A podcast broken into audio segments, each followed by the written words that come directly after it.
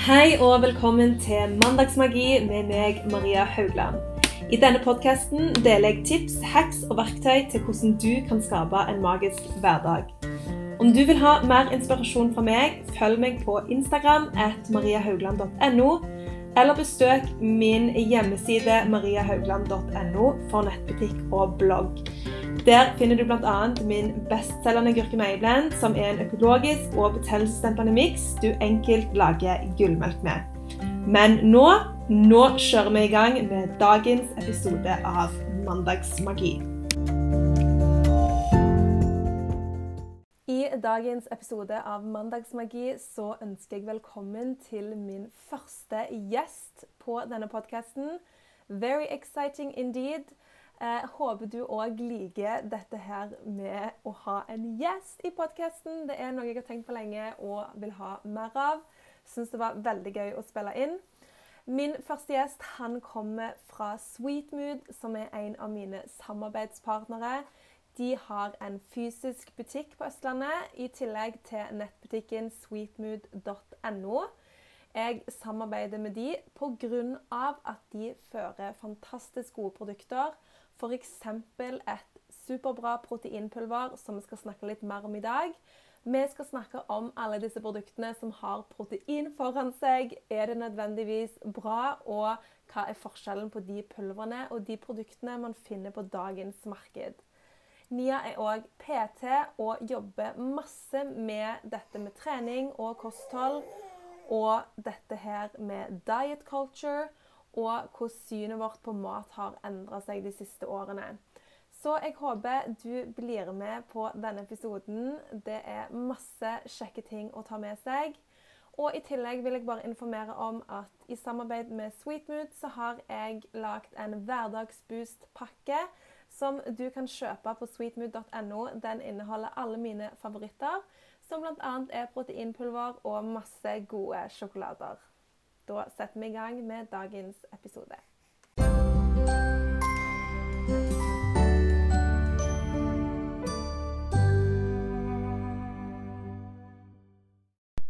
Hei, Nia, og velkommen til Stavanger.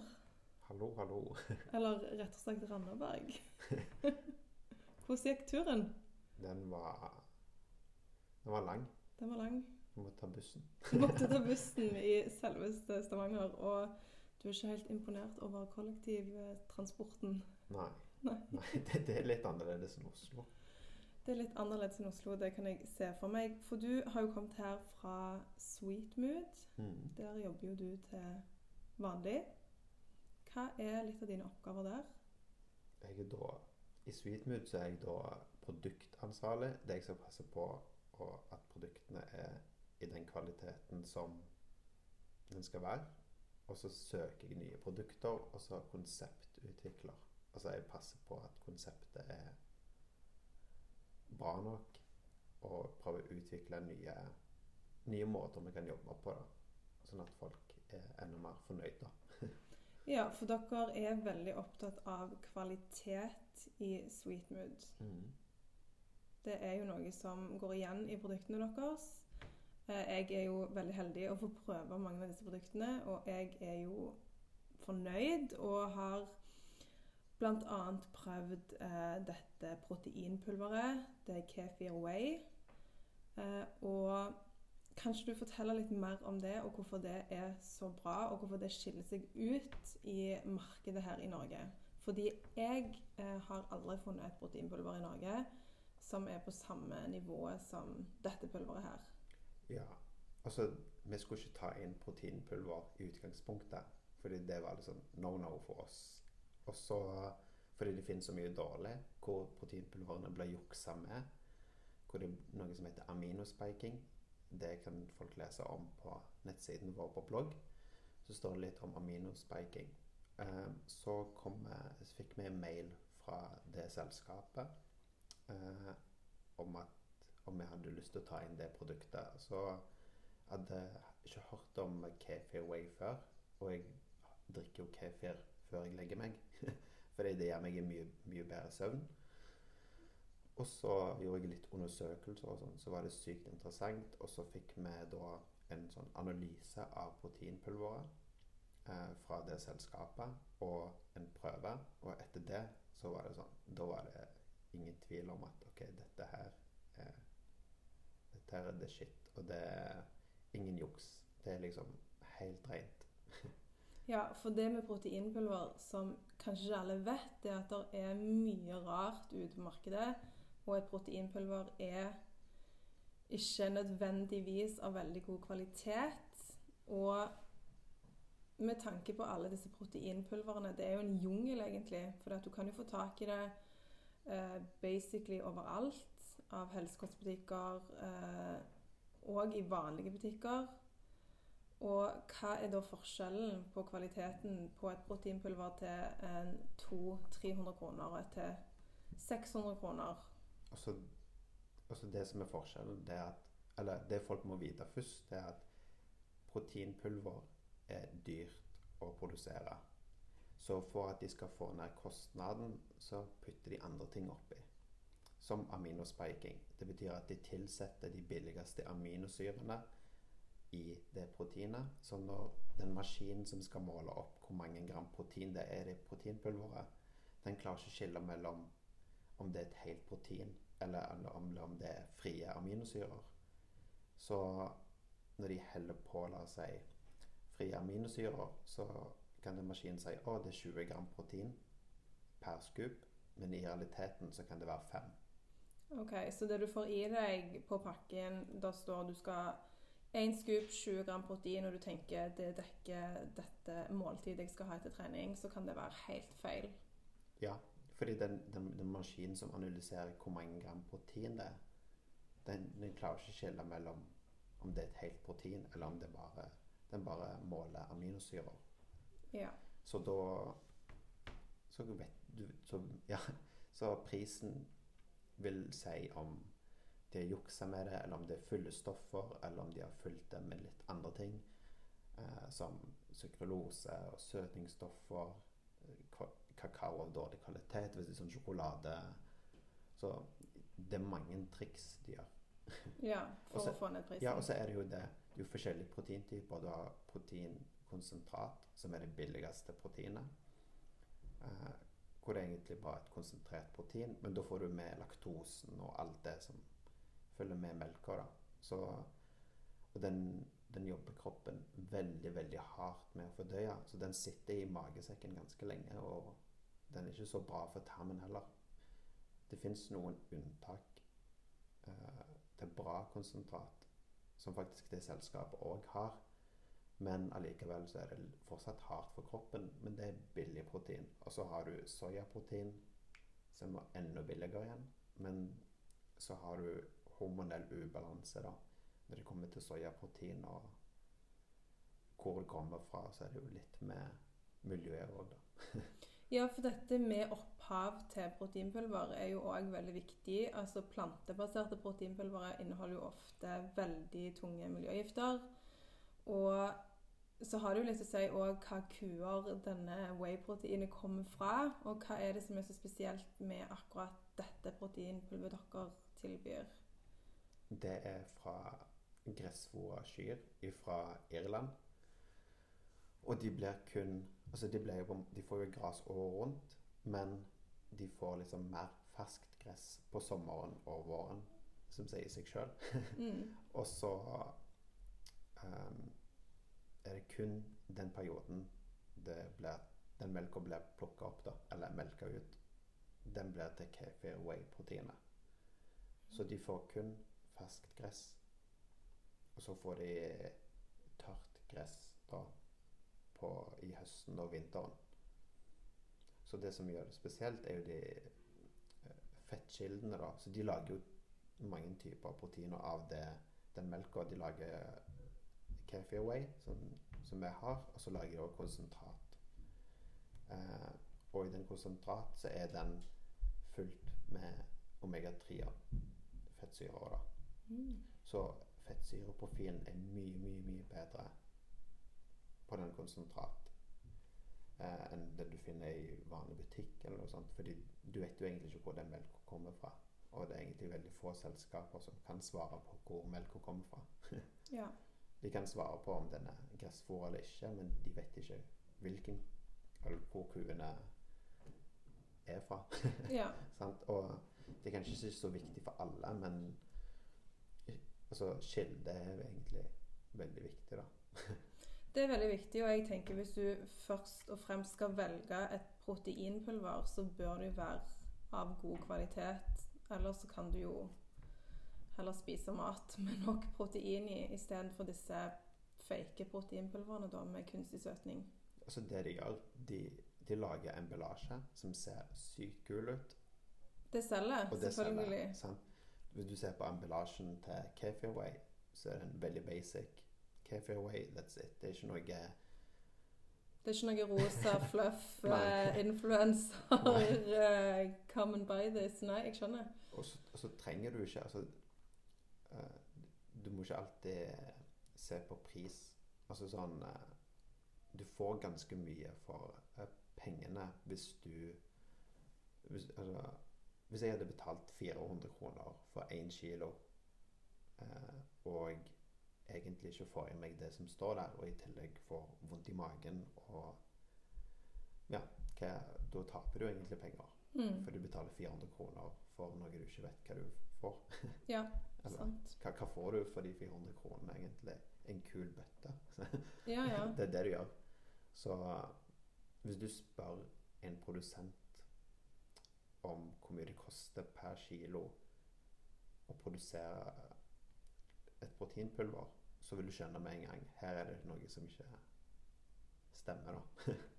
Ja, og hvorfor er det sånn? Fordi at dette her med emballasje og kule logoer og dette med proteinpulver, proteinbarer, det har jo blitt så populært. Og eh, spesielt for influensere på Instagram og i sosiale medier så florerer det jo med bruken av eh, både pulver og proteinhavregrøt og proteinvafler og proteinbarer. Eh, og hvis dette i tillegg er av så dårlig kvalitet, hva er det som skjer i den fitnessbobla egentlig? Det er, det er salg.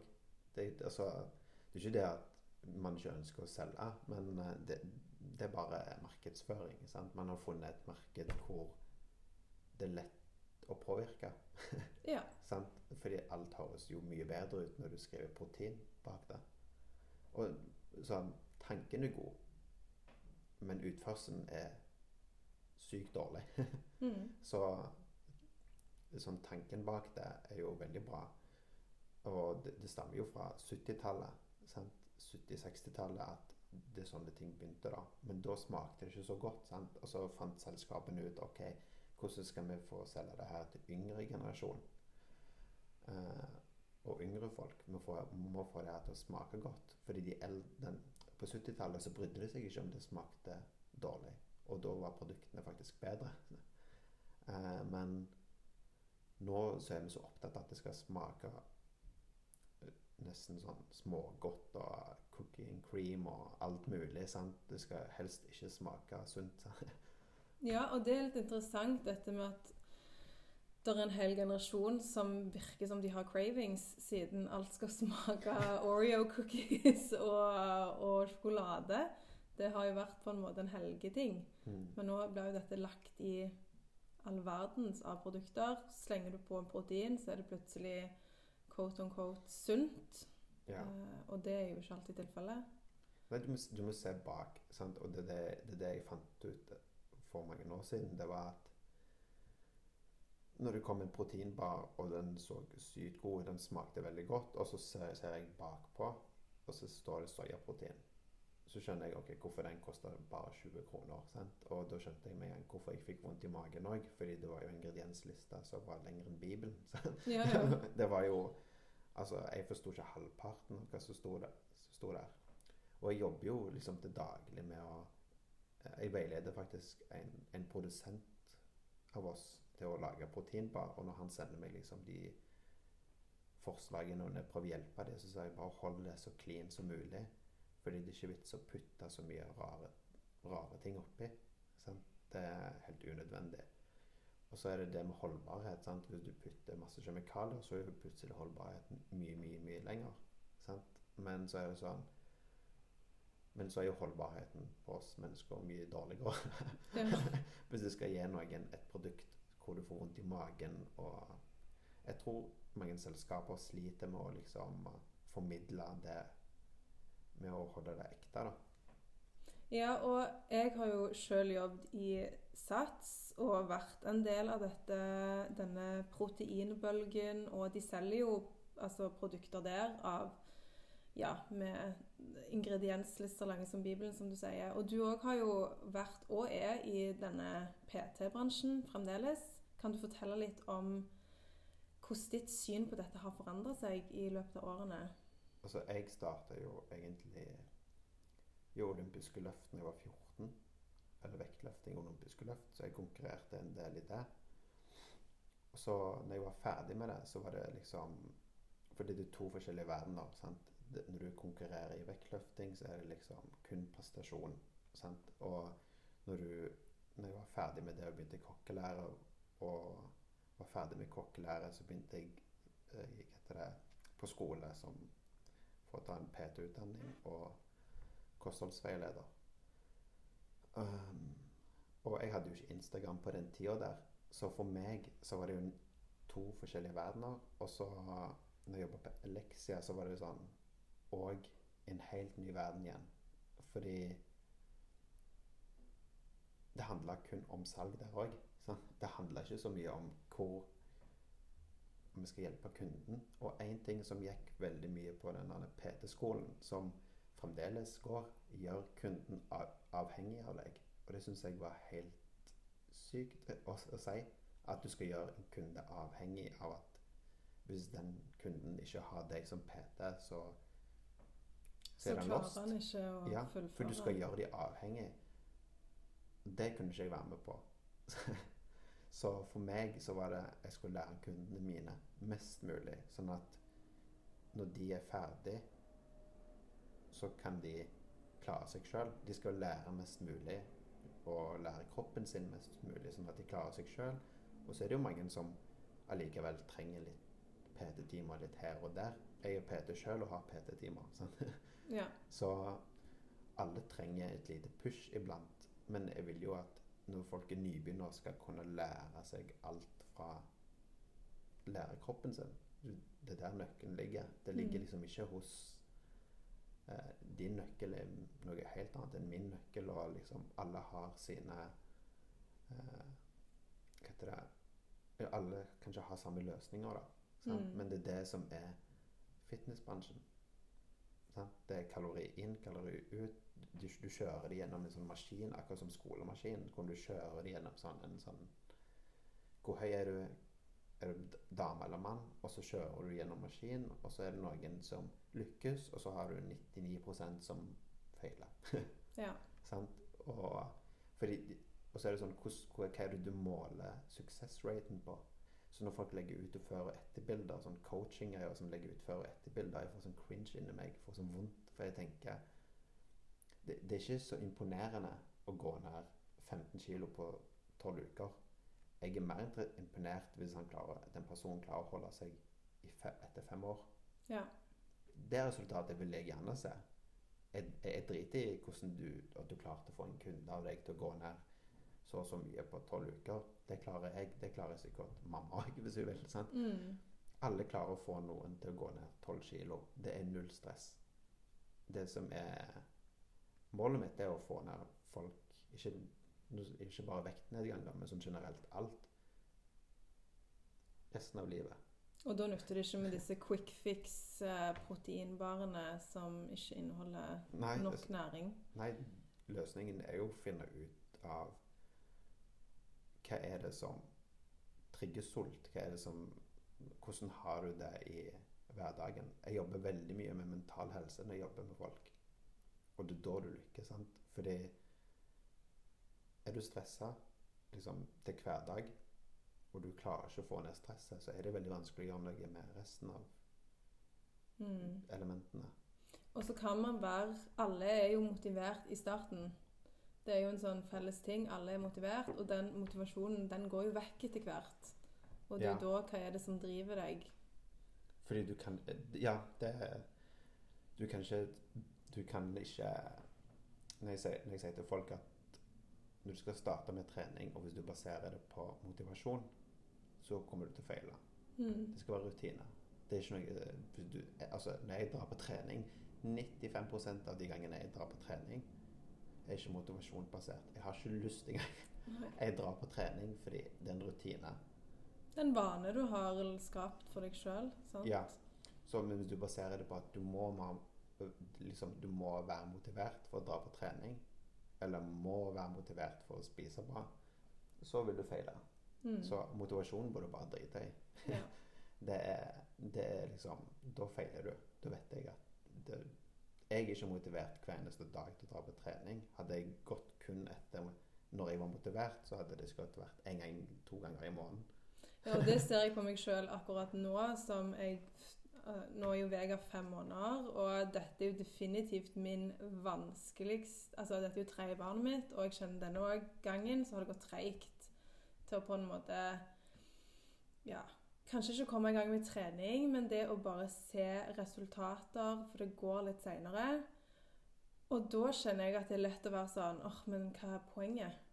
Men man vet jo at de øktene du på en måte gjør fordi det er en rutine, det vil på lang sikt gir resultater. Ja. Og det er jo de vi vil ha. ja. Og da kommer jo maten inn. sant? Ja. så, det, er derfor Jeg sier Det som med den bransjen vår mangler, ydmykhet, det er noe jeg har lært. Og det er liksom Hvis du ser på Instagram, så er det veldig mye sånn Du, du har liksom lavkarbo versus høykarbo versus vegan versus keto, sant? og så har du så mye. Men det er jo sykt mye bra på alle fronter. sant? Ja.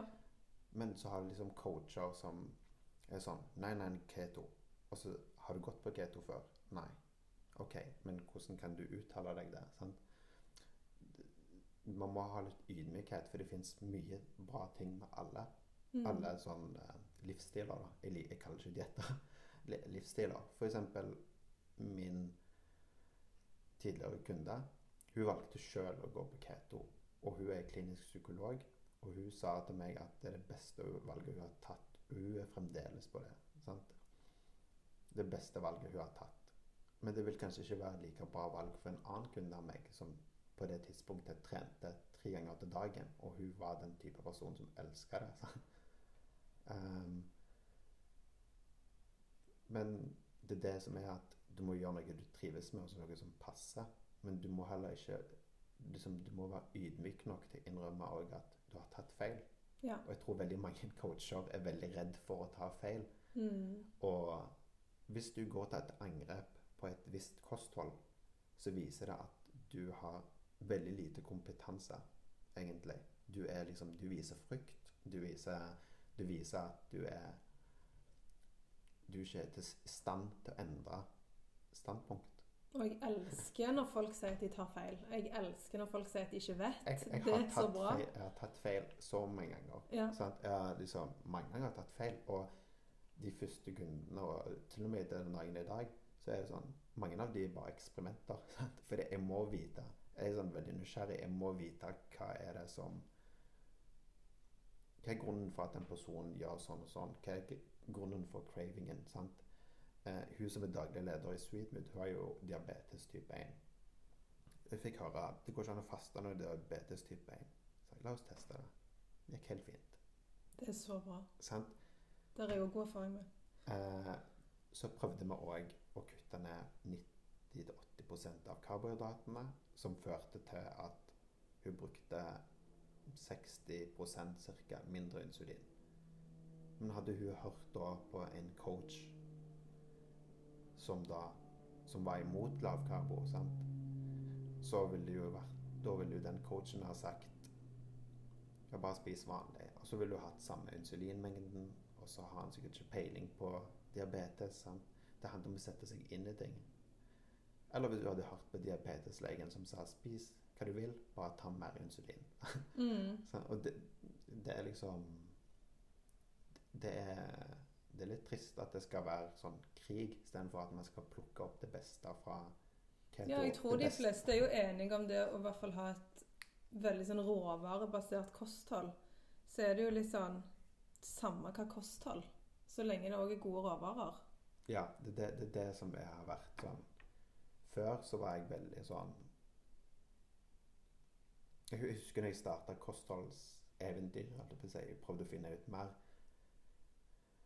Så husker jeg liksom Jeg sleit med hvor jeg var trøtt, jeg var sliten. Jeg trodde jeg spiste sunt. sant? Jeg spiste fem-seks bananer til dagen. Kunne det være så usunt? sant? Jeg, spis, jeg drakk en liter juice til dagen. Kunne det vært så usunt? sant? Mm. Det var jo bare frukt. sant? Og spiste mid, sånn vanlige middager, grovt brød og sånt. Og så, men det ga jo ikke mening, fordi jeg følte meg trøtt. Jeg la på meg på det tidspunktet. Jeg var sliten og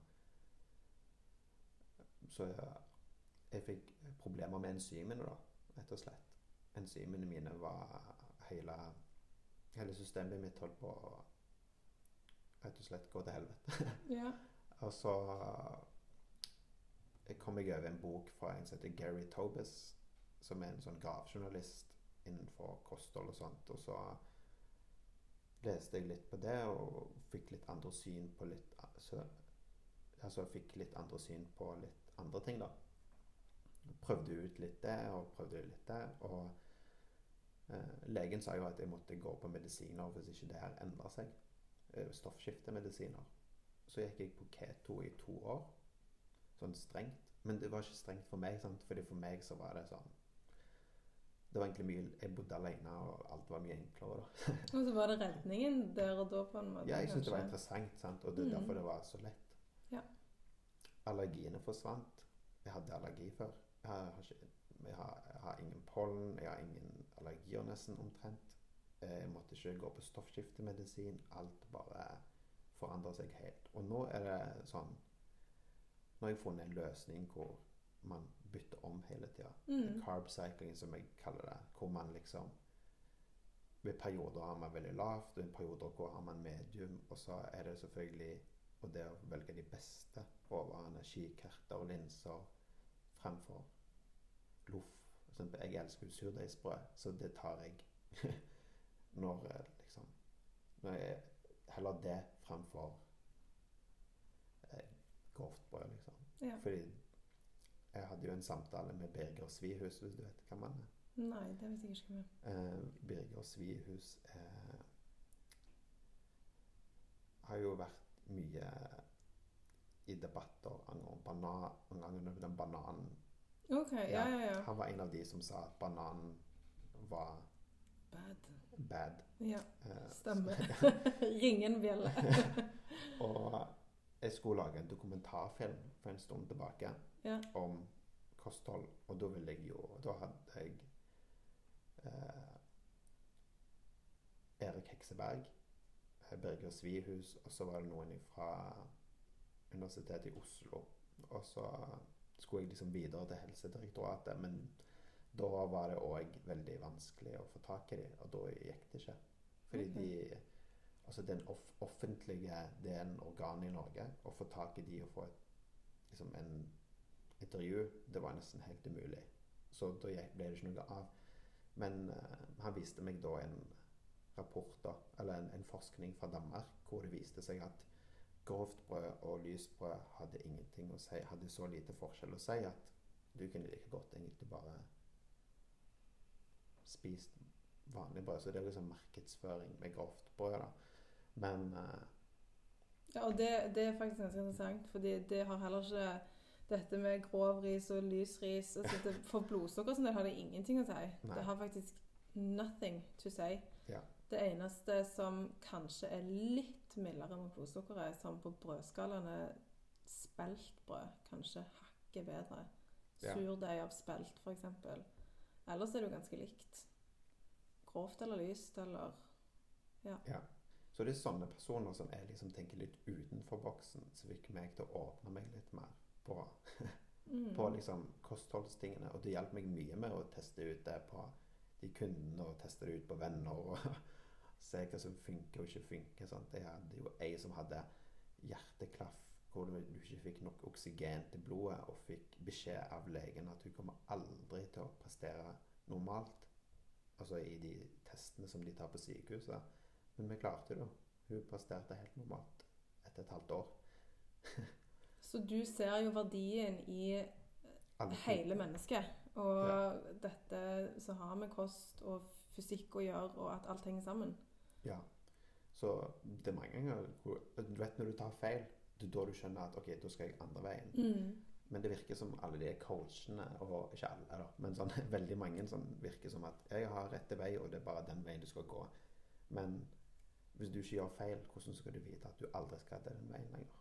Ja, og det er jo sånn som for meg òg. Jeg òg er jo sånn som ser nesten på livet i sånn sesonger. Sånn som nå ammer jeg jo Mm. nesten døgnet rundt. Nå har jo jeg et mye høyere inntak av karbohydrater enn det jeg ville hatt til vanlig. Mm. Nå spiser jeg mye mer frukt, mye mer brød. Eh, Det gjør jo ikke jeg til vanlig i så stor grad, og mye pga. diabetes, fordi at det er lettere å håndtere å ikke gjøre det. Ja. Men nå kreves det så mye energi Mm. eh, at det er det jeg trenger. Mm. Så det er òg viktig å kanskje se det litt an hvor du er hen i livet, og hva du har behov for. At det må ikke være likt alltid. Du Nei. kan variere. Og så må man tørre å kalle en sånn en spade for spade, da. Så ta bananen, da. Jeg, ikke, jeg elsker banan, men jeg Jeg spiser jeg, elsker jeg, men, jeg, men, jeg spi, men jeg vet jo at det er ikke det beste. Jeg tør å si at OK, banan er egentlig smågodt. Sant? Så det, når man snakker om næringsinnhold og potesium og alt det der, det er veldig lite potesium. Du skal spise sinnssykt mange bananer for å få i deg det. Mm. Da kan du spise spinat og få i deg mye mer. Så liksom Sånn benefit ratio på banan og hvor mye sukker du får i deg i forhold til de næringsstoffene, er liksom Da vil jeg heller spise spinat, men det er ikke sånn at jeg sier at banan er grunn til overvekt i Norge. Nei. Men å tørre å si at OK, banan er jo kosemat, eller det er iallfall bedre enn å spise smågodt. Men at Ja. du ikke påpeker at banan er redningen for et sunnere kost, eller sånn redning Nei, og kanskje ikke bruke det som en snacks midt på dagen. Det er jo litt det jeg tenker på med dette å bruke frukt som snacks bare Ja. helt for seg sjøl. Det er jo heller kanskje ikke verdens lureste ting å gjøre med tanke på at du får veldig rask energi som krasjer òg da Nei. veldig raskt igjen. Men det har alltid altså, De casene som jeg har hatt, så har det vært sjeldent at liksom, frukten har vært eh, problemet. Men hvis jeg hadde jo ei som fikk cravings med en gang, og da var det Da var ikke Jeg sa ikke kutt ut frukten, jeg sa da at man er nødt til å se på hele kostholdet. Og Mm. er at når hun spiste frukt fem-seks ganger til dagen, så ble det jo et problem. Fordi hun ble jo mer sulten av å spise frukten, så vi testa ut Hvis hun kutta ut det Hva skjedde da? Det var ikke noe sånn kutt ut de, og det er sånn veldig strengt. Sa bare kan vi ikke kutte ut det et par dager og se om du er like sulten liksom, gjennom hele dagen. Ja. Men det var hun ikke. Mm. Så det var frukten som jo, gjorde hun enda mer sulten.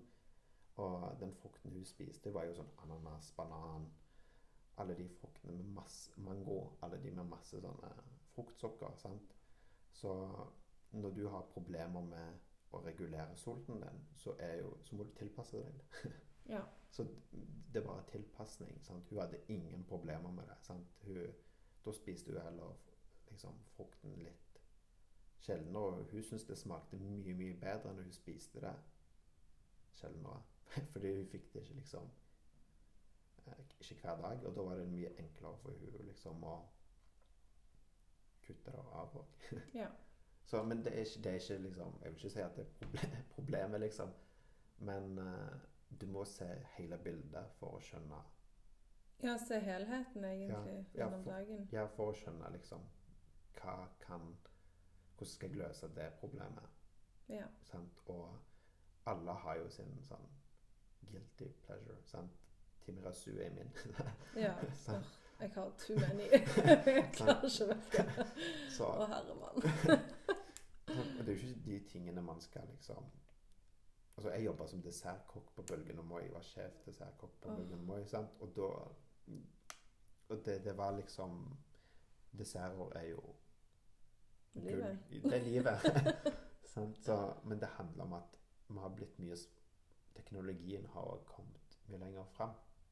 Altså sånn eh, med, altså sånn sukkerfrie ting var mye dårligere for ti år siden. Mm.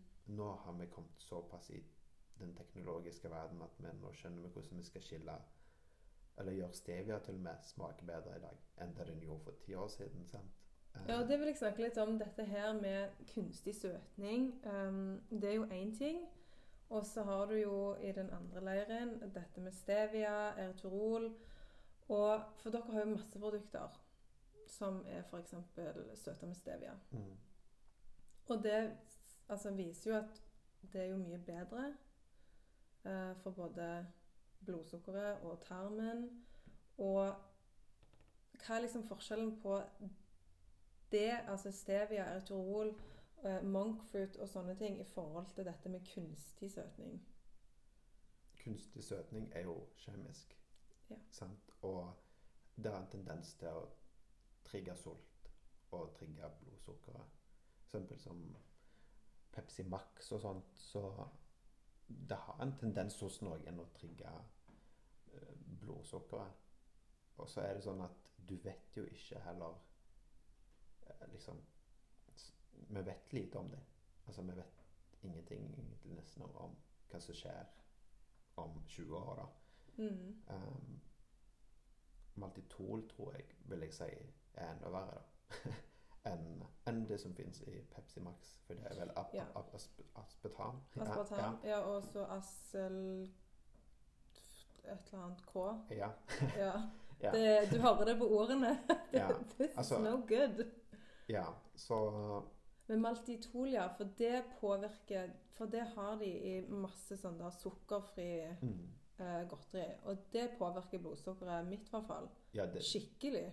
ja, vi har testa det med blodsukkermål, Ja. og det påvirker det like mye som Vanlig. Ja, sant? melkesjokolade. liksom. Dere, det er ikke bare det, men det påvirker tarmen noe. Den Ja, så jeg, da vil jeg heller spise en Freia melkesjokolade, liksom. Ja, For da er det i hvert fall ikke fake. Ja. Ja. Så maltitol er liksom du, The worst. Da har du sløst Ja, i mine øyne så er det det. Fordi det irriterer tarmen så intenst. Og altså Jeg husker det her er sånn morsom historie, men før jeg visste alt det her om søtning og sånn, så var det tilbud på uh, Atkins sånne Quick Lunch-varer. De Ja, ja, på ja. Quick Lunch. Og da visste du tok sukkerfritt, og det var jo sånn helt i starten av min Det var i 2013, tror jeg helt i starten av min sånn keto-greie. Så jeg kjøpte inn masse og spiste og sånt. Og så husker jeg på den tida der så skulle jeg hadde jeg en date hos ei som skulle komme over. Jeg måtte ringe henne og si Nei, du, jeg er syk i dag. Fordi det var ikke et sted å være akkurat å ha besøk, liksom. Fordi tarmen min var helt gått helt bananas den dagen. Ja. Så da måtte jeg bare avlyse hele Og jeg, for jeg òg levde jo i Dette òg var sånn 2012-2013. Da òg Jeg husker jeg bestilte Atkins på iHerb. Ja. Og Nutrilett og alt som var sukkerfritt, var liksom Det var greit, på en måte. Og jeg var jo så dårlig.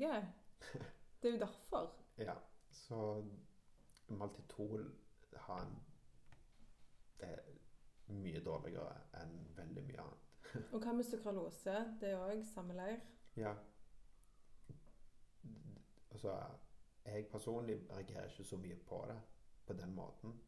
Men eh, det er jo et klorinmolekyl i sukralose. Ja. Så det er jo sånn Du kan faktisk bli klorinforgifta av å spise for mye sukralose. Og det syns jeg er så sprøtt å tenke på, fordi at det er en eh, sånn eh, energidrikk som heter Tørst. Eh, for voksne så har han jo tilsatt koffein, og den har de lagd for barn da uten koffein. Sukkerfri uten koffein kan drikkes fra tre år. Den, vant, altså den fikk ungene mine på et barneløp de var med på. Og den var det sukralose i. Og det da å gi Hvorfor lager de energidrink for barn? Ja, ja, altså It's insane.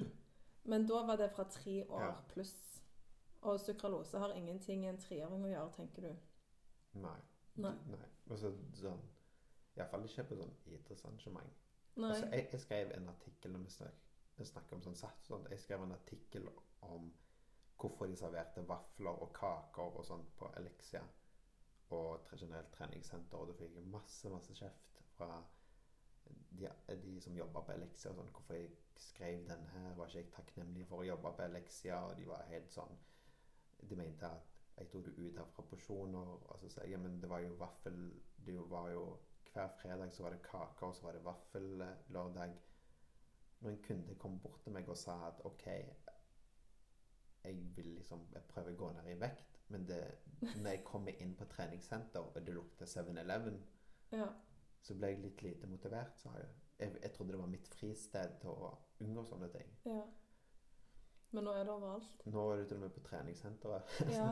sant? Og de, jeg tror de prøver å normalisere det. Sant? Altså, det er sånn Men du normaliserer, du normaliserer ikke mat. Du, du normaliserer drit. Sant? Mm. Det hadde vært bønder som sto der med ost og liksom can og grønnsaker og sånn, så hadde det vært noe helt annet. Men du normaliserer jo Og hva, hva tenker du om dette her med Jeg har jo veldig sånn formening om dette med ja- og nei-mat, og det skal ikke være noe som er nei-mat, og det fører til diet culture og sånne ting. Og det, jeg syns jo rett og slett at det fins jo faktisk mat som er bare direkte dårlig. Har du, har, har du, har du registrert på Instagram hvor mye Candy King har fått i reklame av coacher, Ja, og generelt Syns, syns du det er riktig? Jeg At de det skal få gratis reklame? det er helt feil. Vi i Sweetmood vi, altså, Hvis vi skulle hatt gratis reklame, ikke sjans i havet. Vi har jo helt annen sånn vi, vi prøver faktisk å hjelpe folk. Mm. og, eller gi dem alternativer. Candy King har flere millioner kroner i markedsføring. Men de får gratis markedsføring fra alle. Det, hva syns du om det, egentlig? Ja, jeg, jeg er jo veldig sånn Jeg føler det er for mange som snakker om dette med at det finnes ikke nei-mat og, og, og sånn. Jeg syns jo at det finnes jo faktisk mat som er eh, direkte dårlig for deg. Eh, men du kan være bevisst på det og spise det fremdeles. Det kan du jo bare gjøre. Mm. Men at man må få lov til å si at det er faktisk mat Ja. som egentlig er litt nei-mat. Men selvfølgelig, spis det for Ja. min del. Men vær ta et bevisst valg. Det, det, det som jeg tror ikke mange tenker på, det er at alle har opplevd det. Du har sikkert jo opplevd Har du noen gang scrolla gjennom Instagram, og så har du sett, at, sett en kanelbolle? Mm. Fikk du ikke lyst på den kanelbollen da? Jo, jo. Og så gikk du kanskje og kjøpte den etterpå?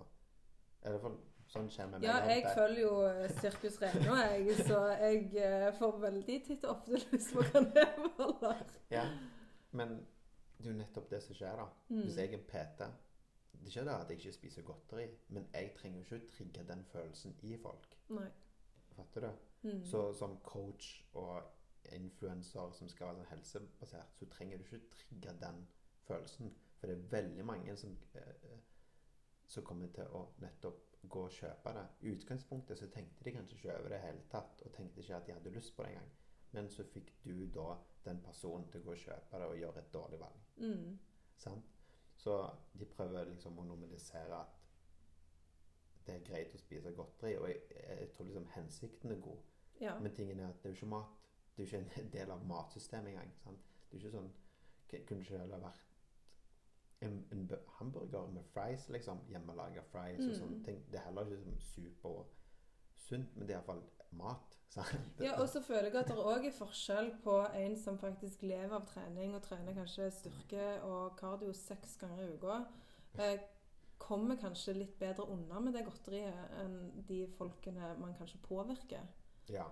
Så det, det handler liksom om å jeg tror, jeg tror folk vil bli likt. Det det handler om. Ja. Du, du, du Du vil ikke miste noen Nei. på veien. du, du ble, altså, Det er jo ingen tvil om at du skal gjøre det så sexy, som mulig når du skal liksom, drive med coaching. Sant? Og da er det jo sånn, Du kan spise hva du vil. Så kan du gå ned 12 kilo. Du kan spise til og med Candy King. Mm, ja? Det høres jo superbra ut. sant? that's life, høres det ut Spis. Candy King. Ja. Du får ikke Hvis du kutter ut Candy King eller sånn godteri, og du får spiseforstyrrelser av det, så er det ikke pga. at det er Candy King du har kuttet ut. Det er pga. at du har et dårlig forhold til mat. Ja. Men så er det der Har du et dårlig forhold til mat hvis du kutter ut Candy King? Fordi når ble Candy King mat? Mm. Det er den jeg òg reagerer på. At bare for at du ikke spiser godteri, så er du uh, hold i hodet, liksom. Det er jo faktisk ikke sånn. Ja, men du, du, du skjønner hvor mye de har Candy King og alle de godteriene Hvor mange millioner av kroner de har markedsføring. Og hvordan Mm. de har klart til og med å påvirke PT-bransjen til å liksom få gratis reklame gjennom de. Mm. Sant? Så om du spiser godteri, så er det helt greit. Og det liksom, hvis du poster det, så må du bare være liksom, Du må vite at konsekvensen av det er at du kommer til å påvirke folk til å spise det når de ikke egentlig hadde tenkt over det eller hadde lyst til å spise det. da.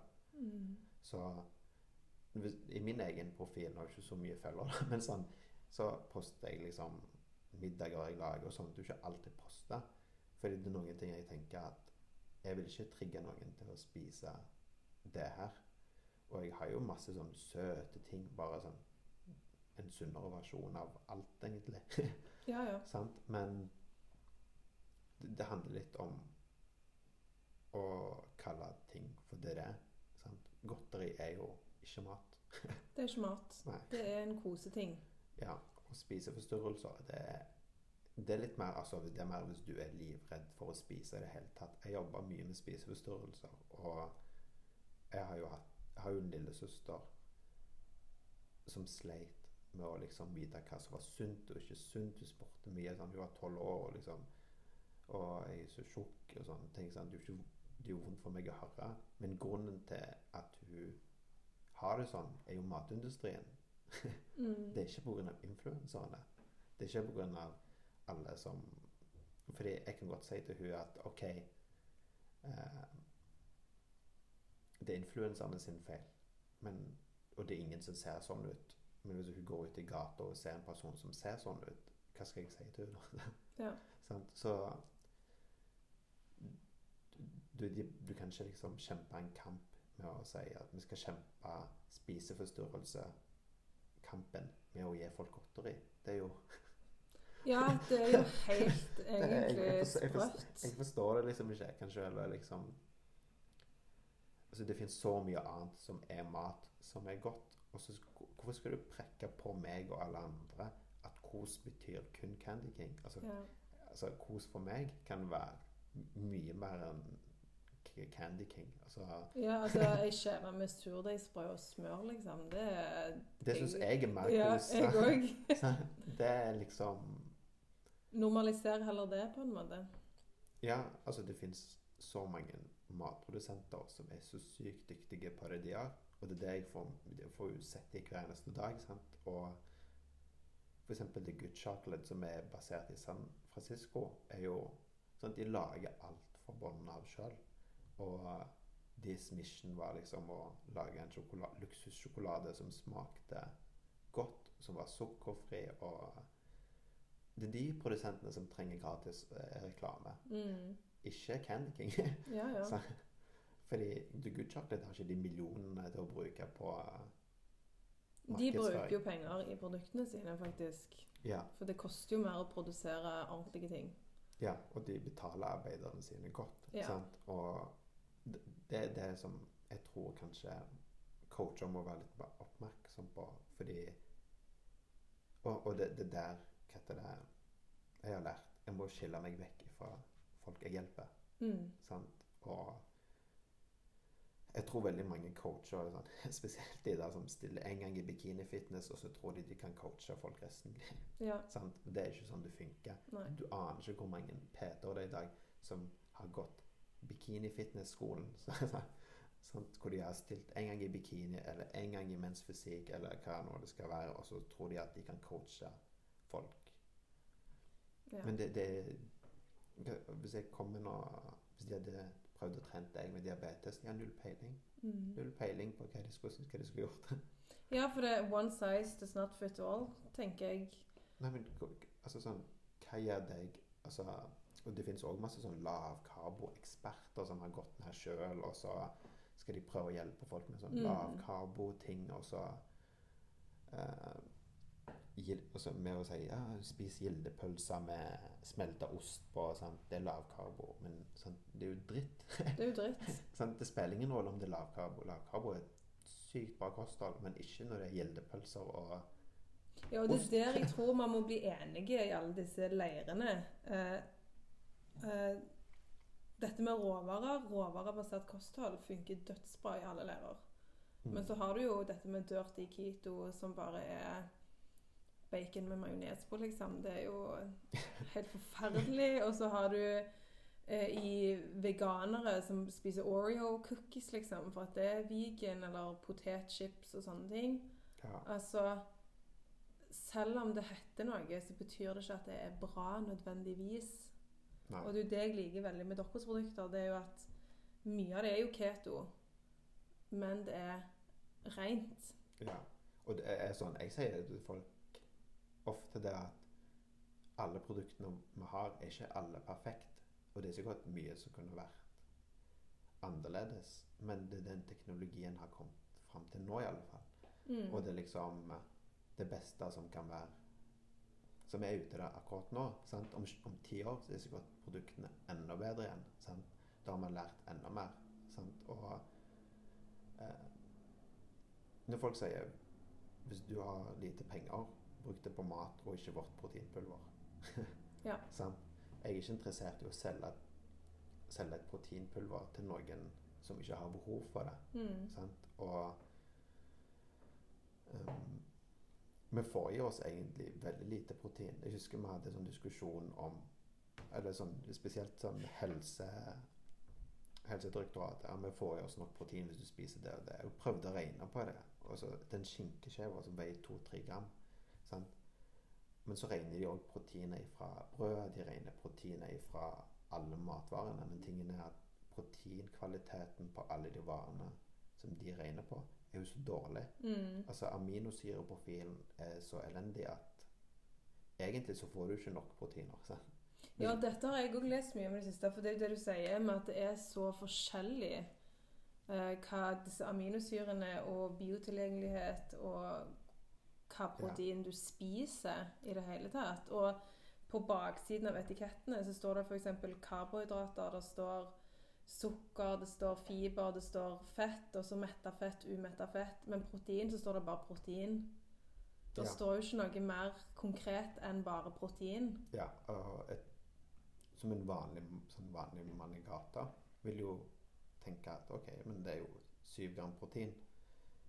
Men hvis vi skal liksom grave dypere, eh, så, så var det, mye, det mye snakk om at én skikerter, f.eks. Så så mye skikerter har like mye som biff, f.eks. Men det blir jo helt feil, for det tas jo ikke opp på samme måte. Nei, men det har ikke samme aminosyreprofil. Men skal du få like mye aminosyreprofil, så må du femdoble den her kikertene, da. Ja. Sant? For da får du en fullverdig profil. Men da har du spist sinnssykt mye kikerter, som igjen Da fiser du mye. Men da har du du, du, du klarer det ikke, sant? Nei. Men da får du jo mye mer energi inn òg, sant? Ja. sant? Da Ja.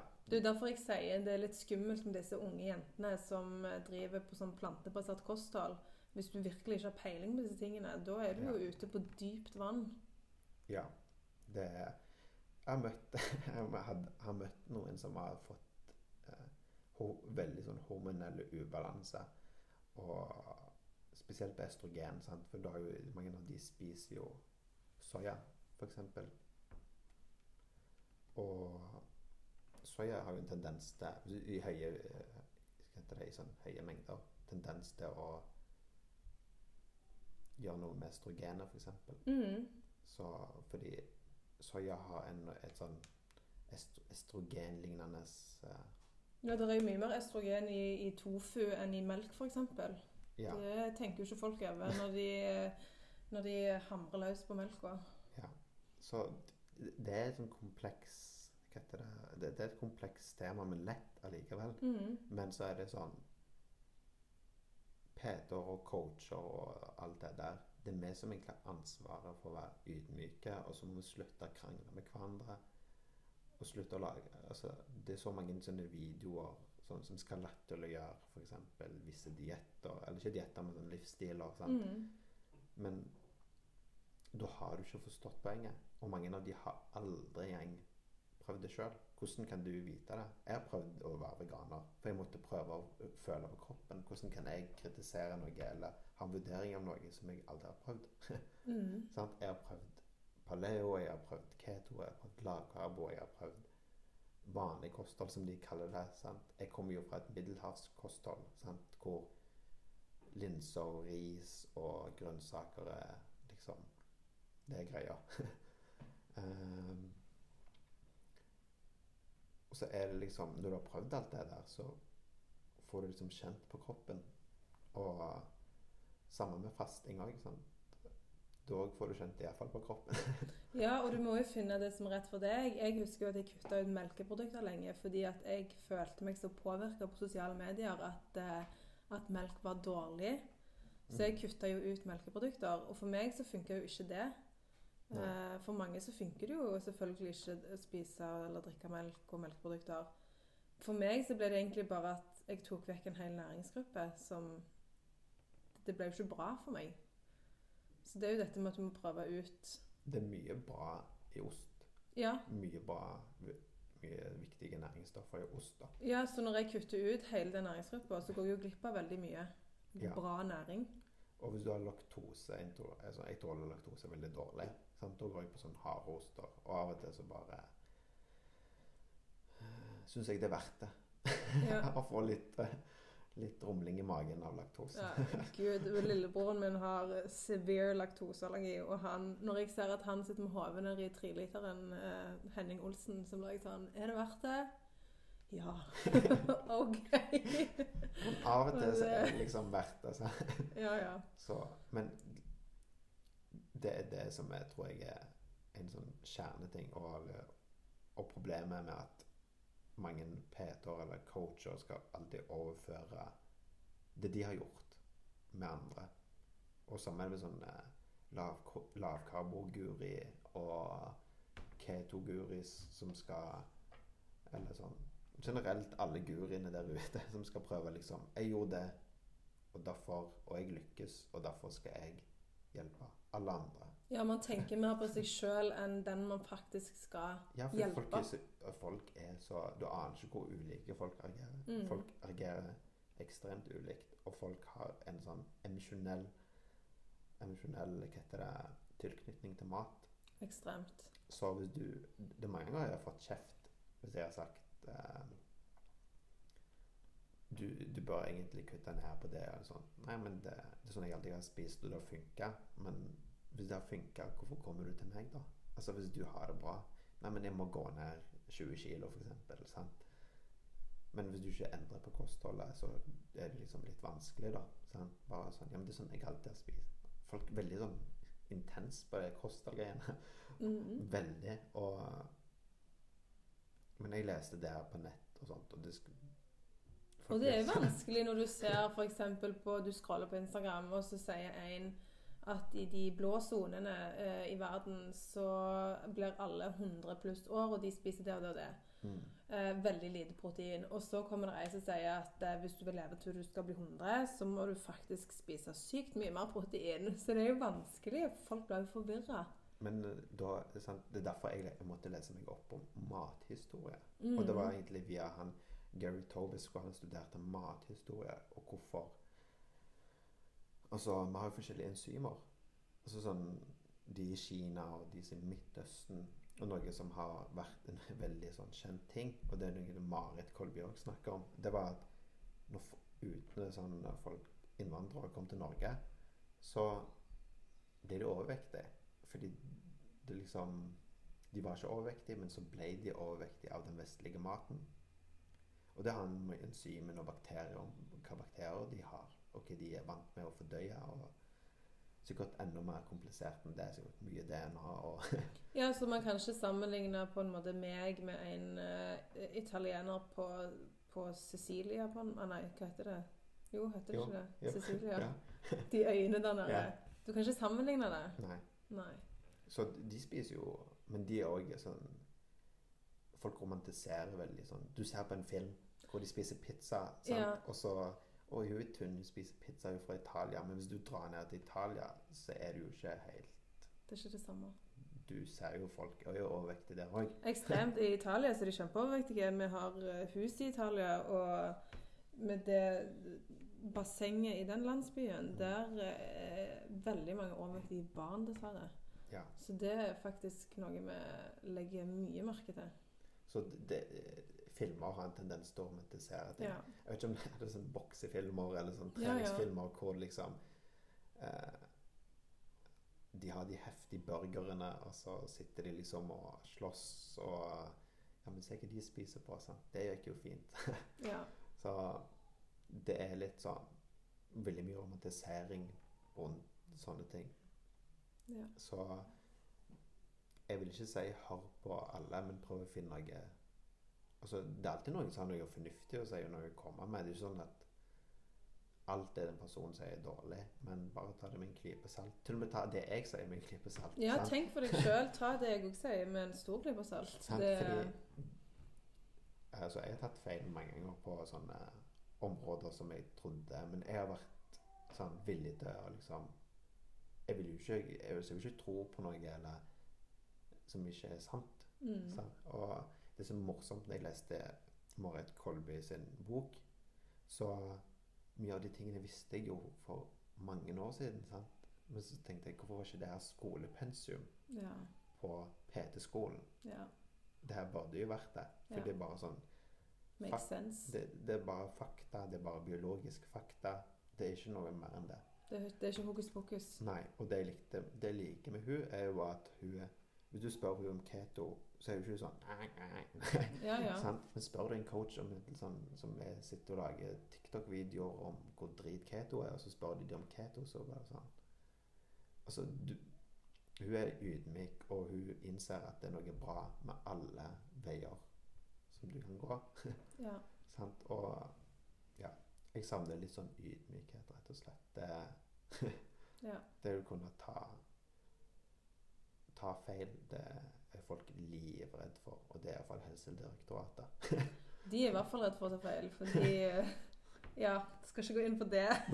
Men helt fantastisk fin samtale. Du, du har mange gode poeng, så dette her kan vi godt gjøre igjen. Mm. Kanskje få en litt sånn Hvis det er noe folk tenker de vil høre mer om, send en eh, DM til enten meg eller på Sweetmood. Så kan vi jo se hva som kommer inn. Ja. Mhm. Tusen takk for at du fikk komme. Jo, takk for at jeg fikk komme. Ja. God tur hjem.